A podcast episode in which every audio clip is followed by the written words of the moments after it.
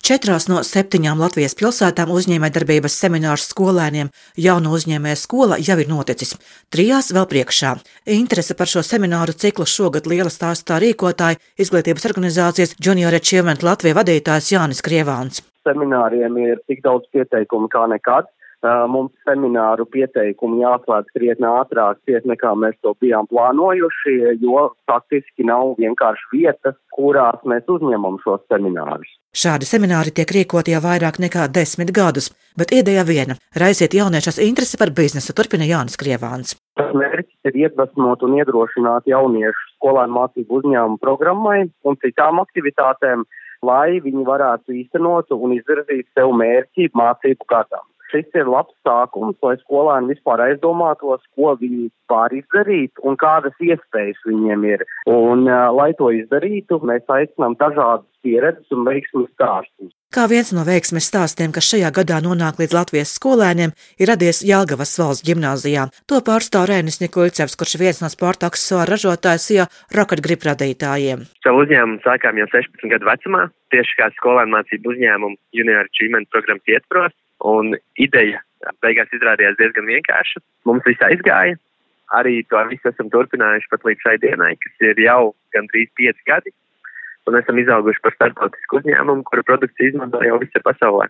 Pats produkts ir hokeja lentes alternatīva, kas principā ir cita veida muļas rokturis hokeja nūjai. Patiesībā jaunais uzņēmums, kas veidojas vēl skolas solā, šobrīd radīs vismaz trīs jaunas darba vietas, un jau var lepoties ar apgrozījumu, kas gadā mērāms vairākos simtos tūkstošos eiro. Šobrīd produkciju ir lietojuši cilvēki no 60 pasaules valstīm. Populārākie tirgi, kā jau nevienam no noslēpums, hokejā ir Kanāda un Amerika. Apgrozījums pagājušajā gadā bija aptuveni ap 350 tūkstošiem dolāru.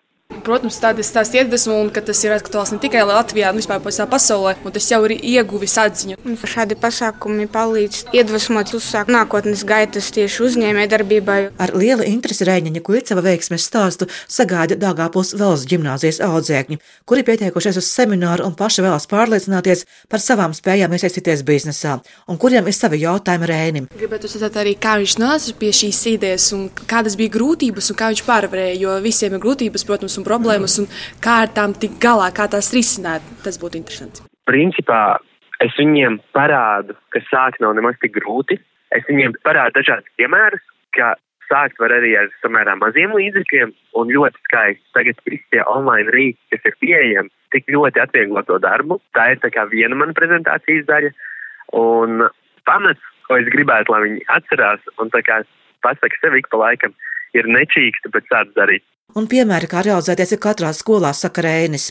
Pilnīgi citreiz ir šoks, pat, kas tur ir izdomāts, sākot no interesantiem pakramajiem galda spēlēm līdz pat dažādiem tehnoloģiskiem produktiem, kur uh, papildināto realitāti var caur telefonu skatīties kaut kādus jaunus objektus, spēlēt spēles, mācīties. Un ir pat tādi, kas ir atraduši tādas lielākas problēmas, pieņemsim, bija priekš uh, vecākiem cilvēkiem, kam sāk trīcēt rokas. Bija speciāli karota izdomāta, kur mazina to trīcekļu sajūtu, lai var normāli zupu pāriest. Biznesa ideja, ko īstenot dzīvē, ir daudz, tāpat kā šo nelielu ideju, kas kalpo kā starts nākotnē.